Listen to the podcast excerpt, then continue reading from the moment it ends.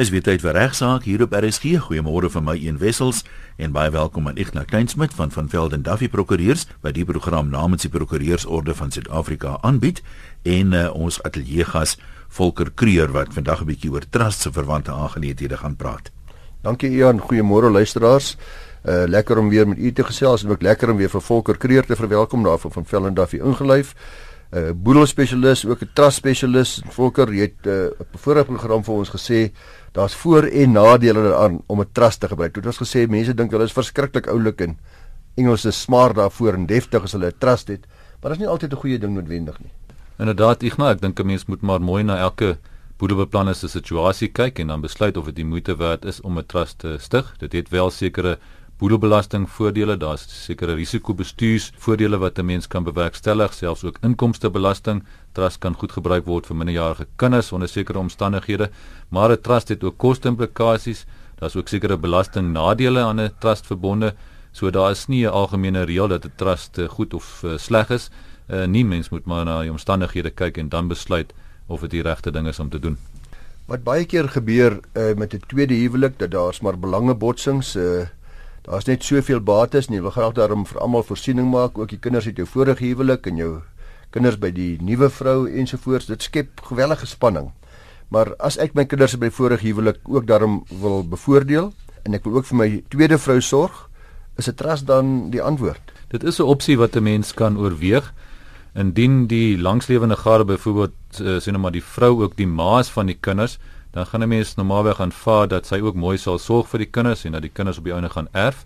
Maar as hy nou nie die ma is uh, van die kinders byvoorbeeld 'n tweede huwelik is te sprake, dan gaan dit dikwels 'n bekommernis in die van, verband wees en dan is 'n opsie om net maar met 'n trust te werk en uh, dan in die trustakte te bepaal dat die trustees die plig het om behoorlik te sorg vir die langslewende gade, byvoorbeeld met verwysing na die lewensstandaard wat sy geniet het op datum van afsterwe en dan is die kinders nou maar die verdere begunstigde uh, begunstigdes van die trust wat dan die voordele gaan ontvang na die afsterwe van die langslewende gade.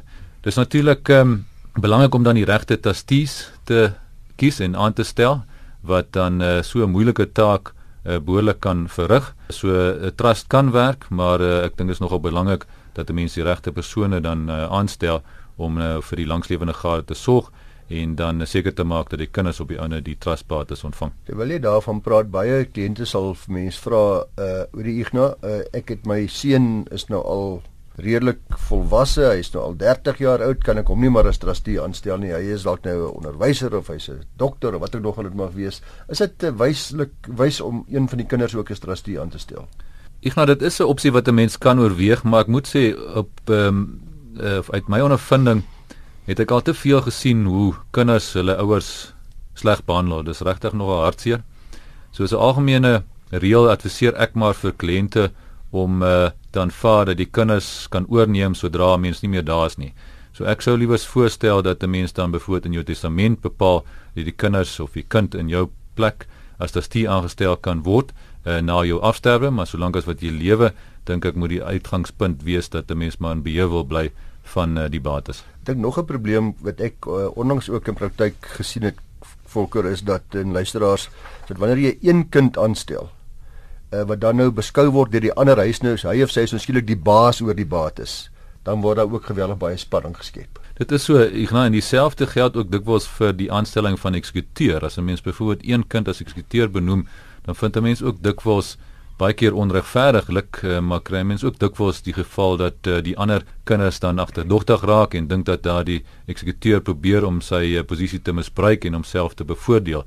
So is dikwels uh, beter om uh, liewers na onafhanklike persone te kyk. 'n Testamentêre trust waar dan minderjarige kinders is, dis 'n makliker antwoord, nê? Nee. Uh ja, 'n testamentêre uh, trust kan 'n mens uh, altyd of moet 'n mens altyd oorweeg as 'n minderjarige kinders is, as 'n mens nie so 'n uh, trust akte uh, het nie uh, daarvoor voorsiening maak dat 'n trust gestig word nie, dan word die kontant erfposies in 'n boedel aan die uh, meeste van die Hooggeregshof se voogdyfonds betaal en dan moet die voogte daar aansoek doen vir fondse soos in wanneer dit nodig het vir die minderjarige kinders en dis definitief 'n proses wat 'n mens wil vermy. So is uh, altyd raadsaam waar 'n minderjarige kinders is om vir 'n testamentêre trust voorsiening te maak en trustees te benoem wat dan die trustbates gaan ontvang insluitende die kontant erfposies en dit tot voordeel van die kinders kan aanwend soos en wanneer hulle dit nodig het. Nie moet mense onderskei tussen wie die trustees en wie se voogde nie. Daar's 'n bietjie van 'n verskil, klem verskil. Dis reg, uh, Igna, uh, dis nou maar die twee belangrike besluite wat 'n mens in die verband moet neem. Die voogte is nou maar waar die kinders uh, gaan bly, wie gaan uh, belangrike besluite neem oor waar die kinders skool gaan en so meer, terwyl die trust uh, trustees is uh, die persone wat die trust bates gaan ontvang en dit uh, gaan beskikbaar stel aan die voogte en die kinders soos en wanneer hulle dit nodig het.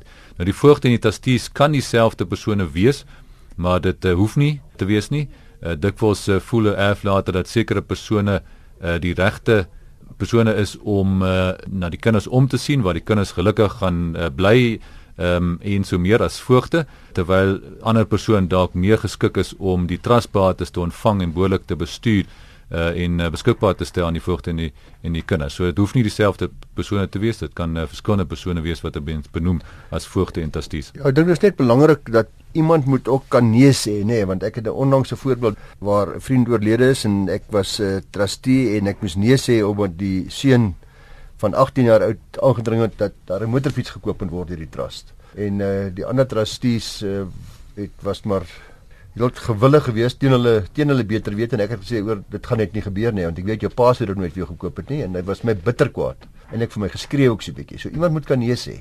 Ek gaan ja, dis nie die maklikste werk uh, wat 'n mens het as trustee nie, maar uh, as 'n mens jou werk behoorlik doen, dan gaan jy inderdaad dikwels uh, nee sê. Mens gaan natuurlik uh, die goed uh, prioritiseer en uh, aanvaar dat dit baie belangriker is dat iemand sy studies byvoorbeeld voltooi voordat hy nou karre koop of voorsee se reise aanpak of wat ook al die geval mag wees. So ja, as goeie tastuur gaan 'n mens uh, moet kan nee sê. In jou ondervinding gewoonlik sal uh, ouers vir jou kom sê dat die die trust moet tot 'n einde kom, uh, sê net maar op die ouderdom van as die kinders 21 jaar oud word of 18 jaar as hulle meerderjarig word. Ek weet nie my advies is gewoonlik dat dit 'n bietjie ouer moet wees. Ek weet nie hoe voel jy nie. Ek sê saam, uh, deesdae is 'n mens mos al met 18 jaar uh, meerderjarig, vroeër was dit 21 jaar. Maar uh, gewoonlik gaan 'n uh, erflater liewers uh, kyk na hoër ouderdom. Dis ten minste my advies. Uh, meeste mense kyk maar na 25 jaar, sommige mense gaan selfs tot 30 jaar. Ek dink dis dalk 'n uh, uh, bietjie oordrewe. 25 jaar is myns insiens 'n goeie ouderdom. Dan uh, gaan 'n uh, uh, kind normaalweg verantwoordelik genoeg wees om uh, dan self daai trustbates te ontvang en uh, ver verantwoordelik uh, te gebruik. Uh die hele kwessie van moet ek my geld laat vererf aan 'n trust of liewers aan die langslewende en in hierdie geval die die belastingvrye 3,5 miljoen rand. Moet ek dit uh, is dit 'n goeie idee om dit aan die langslewende of 'n familietrust te bemaak na die dood van die eerste eggenoot reeds? Ek nou ja, vroeër jare voordat die relevante wetgewing verander het, het ons dikwels bepaal dat 'n bedrag gelyk staan aan die primêre korting vir boedelbelasting doenes op die oomblik is dit 3,5 miljoen rand na afsterwe van die eersterwende na 'n trust toe gaan en die res gaan dan na die langslewende. Daardeur was daar dan geen boedelbelasting betaalbaar nie want die primêre korting is van toepassing op die 3,5 miljoen rand wat trust toe gaan en die res is in elk geval vrygestel omdat dit na die langslewende gade toe gaan. Nou daardie het 'n mens gesorg dat 'n mens die primêre korting in beide die eersterwende en die langslewende gade kan gebruik van 3,5 miljoen rand met ander woorde in totaal uh, eh, 7 miljoen. Maar die wetgewing het toe uh, verander paar jaar terug sodat 'n mens nou in elk geval die 7 miljoen rand vrystelling het uh in albei boedels saam. So dit wat jy van die 3,5 miljoen rand primêre korting in die eerste erwende se boedel nie gebruik nie word in elk geval oorgedra na die langslewende gade se boedel. So jy gaan al, uh, altyd daai 7 miljoen in totaal hê vir die twee getroude uh, persone se boedel. So is deesdae eintlik uh, selde sinvol om na afsterwe van die eerste erwende uh um, reeds 3,5 miljoen rand aan die trust te bemaak. Dan 'n vraag wat ons dikwels kry aan luisteraars is die vraag of ek wat regtig verplig is om 'n onafhanklike trustee te hê. Ek wil graag net my kinders of net my vrou of net my vriende aanstel. Deesdae registreer die meeste se kantore definitief nie meer nuwe trusts sonder dat daar onafhanklike trustee is nie. So dis 'n vereiste vir die registrasie. Vroeger jare kon 'n mens wel nog sulke trusts registreer. Dit was 'n uh, voor die Parker beslissing wat hier in 2005 gegee is of gerapporteer is uh, wat daardie uh, posisie nog gegeld het. So deesdae is dit uh, nodig om 'n uh, onafhanklike trustee te hê vir die registrasie van 'n trust waar daar nog van hierdie ou trust bestaan waar dan inderdaad nie 'n onafhanklike trustee is nie. Is dit in elk geval ons advies om liewers ook 'n onafhanklike trustee aan te stel En die rede daarvoor is om maar seker te maak dat die alter ego argument nie gebruik kan word deur SARS of deur skuldeisers nie. Dis nou maar die argument dat daardie trustbates eintlik maar beskou moet word as bates van die spesifieke begunstigde of trustee of wat ook al die geval mag wees. Aan die ander woorde dat die uh, trust eintlik maar net gebruik word om belasting te ontduik en uh, om uh, skuldeisers te benadeel. So 'n uh, onafhanklike trustee is uh, definitief uh, nodig vir 'n uh, trust en uh, is ons advies om uh, na die aanstelling van een te kyk as daar bestaande trust bestaan uh, wat nie onafhanklike trustee het nie. As ons praat van onafhanklik, die definisie van onafhanklik sou dit byvoorbeeld goed genoeg wees as ek my broer aanstel as en dan hom beskou as 'n onafhanklike trustee. Ja, die meeste se kantore is in my ondervinding nogal baie streng met daardie uh, vereiste. Hulle vereis dat die um, onafhanklike trustee nie 'n begunstigde is nie en ook nie 'n familielid is van die ander trustees en die begunstigdes nie. So om uh, weg te kom met die registrasie by die van die trust by die meeste kantore, moet 'n mens maar uh, sorg dat die uh, onafhanklike trustee nie is 'n familielid uh, van jou is nie. Jy het nou reeds vertel van die alter ego argument net uh, ek sit net en dink daaraan dat afgesien van SARS en afgesien van skuldeisers volker gebeur dit al hoe meer en meer deesdae in egskeidings ook dat daar lang uitgerekte argumente is, is of die trustbates deel eintlik is van jou persoonlike boedel al dan nie terwyl die hele poging met 'n trust is reeds om onafhanklikheid te skep. Dit is uh, ook in daardie opsig belangrik om 'n onafhanklike trustee te hê om te sorg dat uh, daar by 'n egskeiding ook nie geargumenteer kan word dat van die trustbates eintlik beskou moet word as een van die gades se bates. Dit is egter ook belangrik om te verstaan dat die uh, onafhanklike trustee as sulks nie 'n waarborg is dat die alter ego argument nie gaan slaag nie. Mens moet natuurlik ook sorg dat hy onafhanklike trustee ook sy werk behoorlik onafhanklik doen uh, deurdat hy betrek word by elke belangrike besluit. En dan is dit natuurlik ook uh, belangrik om maar 'n behoorlik rekord daarvan te hou. Met ander woorde daar moet resolusies wees vir elke belangrike besluit van die onafhanklike trustee ook moet teken. En uh, verkieslik moet daar ook 'n uh, rekord wees op grond waarvan die trustee besluit het die onafhanklike trustee besluit het om 'n sekere resolusie goed te keur. So ehm um, ja, sorg maar dat die papierwerk in orde is waar 'n onafhanklike trustee is om uh, seker te maak dat 'n mens nie in die geval van 'n egskeiding uh, sit met die uh, potensiële probleem dat die trustbates ook 'n uh, deel vorm van of die huwelik binne gemeenskap vir goedere of die aanwasbedeling waar partye buite gemeenskap van goedere met die aanwasbedeling getroud is. Volker, nog so 'n paar vragies oor trust. Eerstens net kan die trustees altyd 'n bestaande trustee wat bedank het of oorlede is vervang? Ek gaan dit hang af van uh, wat die trust akte bepaal. Normaalweg sal die trust akte inderdaad voorsiening maak vir 'n proses wat die trustees moet uh, volg ten einde 'n uh, trustee wat bedank het uh, vervang. As daar nie so bepaling is in die trust akte nie, dan uh, kan uh, daar altyd ook voorleggings gemaak word aan die meester wat in gevolge die wet op beheer van trust goed in elk geval die bevoegdheid het om 'n trustee aan te stel. En, en kan die trust akte van 'n bestaande trust vervang word met 'n nuwe ene? As jy byvoorbeeld sien 'n kliënt is baie swak opgestel. Ek nou ja, dit is 'n opsie wat 'n mens kan oorweeg as daar bepalinge uh, of 'n klomp bepalinge is van 'n trust akte wat uh, gewysig moet word, dan is dit dikwels uh, sinvoller om nie net uh, al daai bepalinge te verander nie en met 'n uh, gekompliseerde dokumente sit waar daar 'n aanvanklike trust akte is en 'n wysigingsakte, maar liewers een nuwe trust akte in te voeg en die totale trust akte te vervang. Natuurlik moet 'n mens uh, voorsiening maak uh, vir al die vereistes wat uh, gestel word in die trust akte vir die wysiging daarvan, maar indien daardie vereistes nagekom is, dan kan die hele trust akte as sulks ook vervang word. Ek is 'n trustee en uh, die trustee wil 'n stuk grond koop en ek bel die ander 3 trustees, my mede-trustees, sê hoor julle kan ek maar teken. Teken die kontrak, gaan hy kontrak geldig wees as ek uh, mondelings magtiging het vir my ander trustees om te teken namens die trust. By onroerende goed uh, gaan dit nie uh, voldoende wees nie. Die wet op vervreemding van grond vereis dat so 'n skriftelike of so 'n uh, volmag, so 'n toestemming skriftelik moet wees. So uh die handeling van 'n uh, agent namens 'n uh, prinsipaal in gevolge 'n mondelingse volmag gaan nie goed genoeg wees nie. Daardie kontrak gaan nie afdwingbaar wees nie.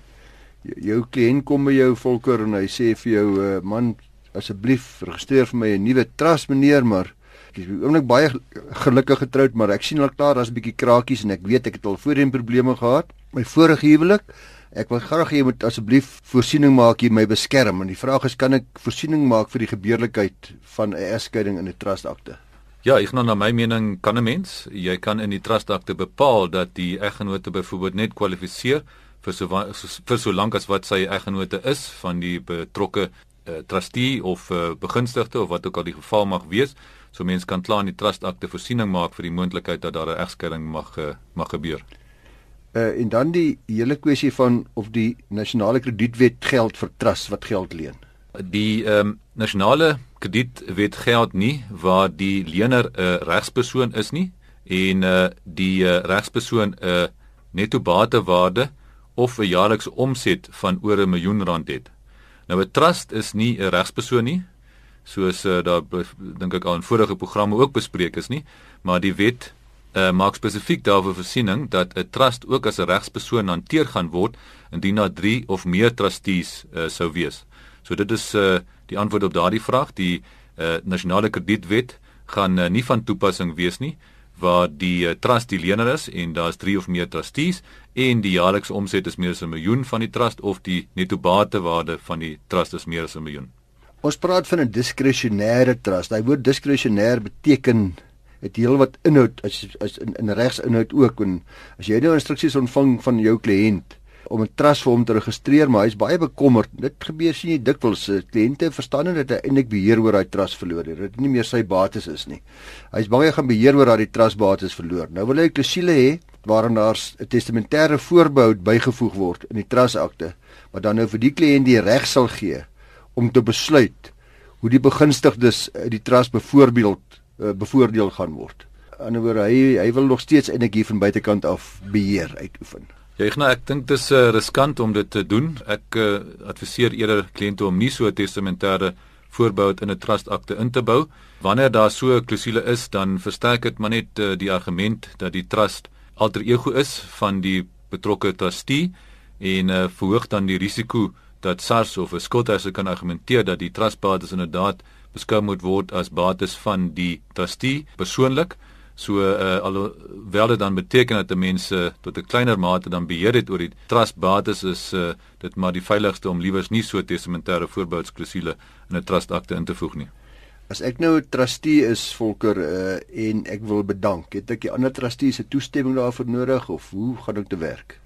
Ek nou uh, nee, die um, relevante artikel bepaal dat 'n mens eensydiglik as 'n trustee kan bedank. Daardie bedanking moet dan ingehandig word by die uh, meester van die Hooggeregshof en daar was ook al hofsaake uh, te sprake waar uh, die vraag ontstaan het wanneer die bedanking effektief is en daar's 'n beslissing waar die hof gesê het uh, is 'n Meyer saak uh, waar die hof gesê het dat die datum waarop die uh, bedanking ontvang is deur die uh, meester is die datum waarop die bedanking effektief geword het. So uh, waar 'n dispuut mag ontstaan, moet 'n mens maar kyk wat is die datum van die stempel van die meester wat uh, dan bevestig uh, wanneer hy die bedanking as sulks van die trustee ontvang het. Uh toe ek 'n jonger man was, luisteraars min of meer volkers ouderdom sou ek raai. Uh het was ek altyd baie gevlei as iemand my vra of ek asseblief trustee van hulle trust sal wees. Ek het onmiddellik by die huis gaan brag daaroor. Ek wag vir maandag sê ek is nou weer gevra om trustee te wees. Want dis 'n redelike kompliment as iemand jou so vra om trustee te wees want jy kom in die plek van die persoon veral testamentêre trust, maar ook 'n uh, trust interviews waar want jy word vertrou met die bates en met baie groot verantwoordelikhede. Maar ek moet sê ek het al 'n paar lelike slaggate getrap daarna waar nie die ander trustees ken en nie die mense goed genoeg ken nie en nie weet van al die risiko's wat daar agter die skerms aan die gebeur is nie en al die planne wat gemaak word nie en uh, ek dink mense moet twee keer twee keer dink voor mense aanstelling as trustee aanvaar. Ja, ek nou ek stem saam. 'n Trustee het baie wye verpligtinge en dit kan ook uh, selfs lei tot persoonlike aanspreeklikheid. Daar's 'n paar uh, interessante sake waarin dit te sprake gekom het en uh, daar's 'n uh, voorbeeld 'n beslissing Dis 'n ongerapporteerde saak van 2006 waar die hof ook 'n aanduiding gegee het dat die uh, onvermoë om te besluit en op te tree deur 'n onafhanklike trustee neerkom op verwaarlosing en nalatigheid en uh, daar was daar dan sprake van persoonlike aanspreeklikheid van daai trustee. Byvoorbeeld ook nodig vir trustees om dokumente te bewaar in gevolge artikel 17 van die Wet op beheer van trustgoed vir 'n tydperk van 5 jaar na beëindiging van 'n trust. Dis ook 'n verpligting waarvan baie trustees nie bewus is nie. Artikel 10 van die wet bepaal ook dat 'n mens dadelik 'n bankrekening moet oopmaak as 'n mens 'n trustee is en trustgeld ontvang. Ehm um, so ja, daar's wye verpligtinge en ek dink 'n mens moet seker maak dat jy die nodige kennis, kundigheid het uh, voordat jy enigsins dit oorweeg om 'n trustee aanstelling te aanvaar. Ek dink ons tydjie loop so stadig aan uit, so miskien 'n slotopmerking van julle kant af en kontakbesonderhede volker. Ja, net om te sê dat soos jy kan agterkom, trust is nie altyd uh, die kits oplossing vir alle probleme nie en 'n kundigheid by die opstel daarvan is 'n voorvereiste. So as jy oorweeg om 'n trust te, te skep, 'n familietrust, wil ek tog maar voorstel dat u gaan sien 'n spesialis om vir u raad te gee. Die ouditeur sal ook uh, waarskynlik vir die goeie advies kan gee of jy regtig 'n trust benodig, uh, maar 'n trust is nie vir almal beskore nie. Volker en as daar luisteraars is wat oor trust dalk 'n navraag rig, waar kan ons jou in die hande kry? Ja, my e-posadres is volker@vvl.co.za. Ek sê vir altyd baie dankie dis aan vandag se regsaake, soos altyd moontlik gemaak deur die Prokureursorde van Suid-Afrika. Volgende maandag so 12:30 se kant is ons terug met nog regsaake.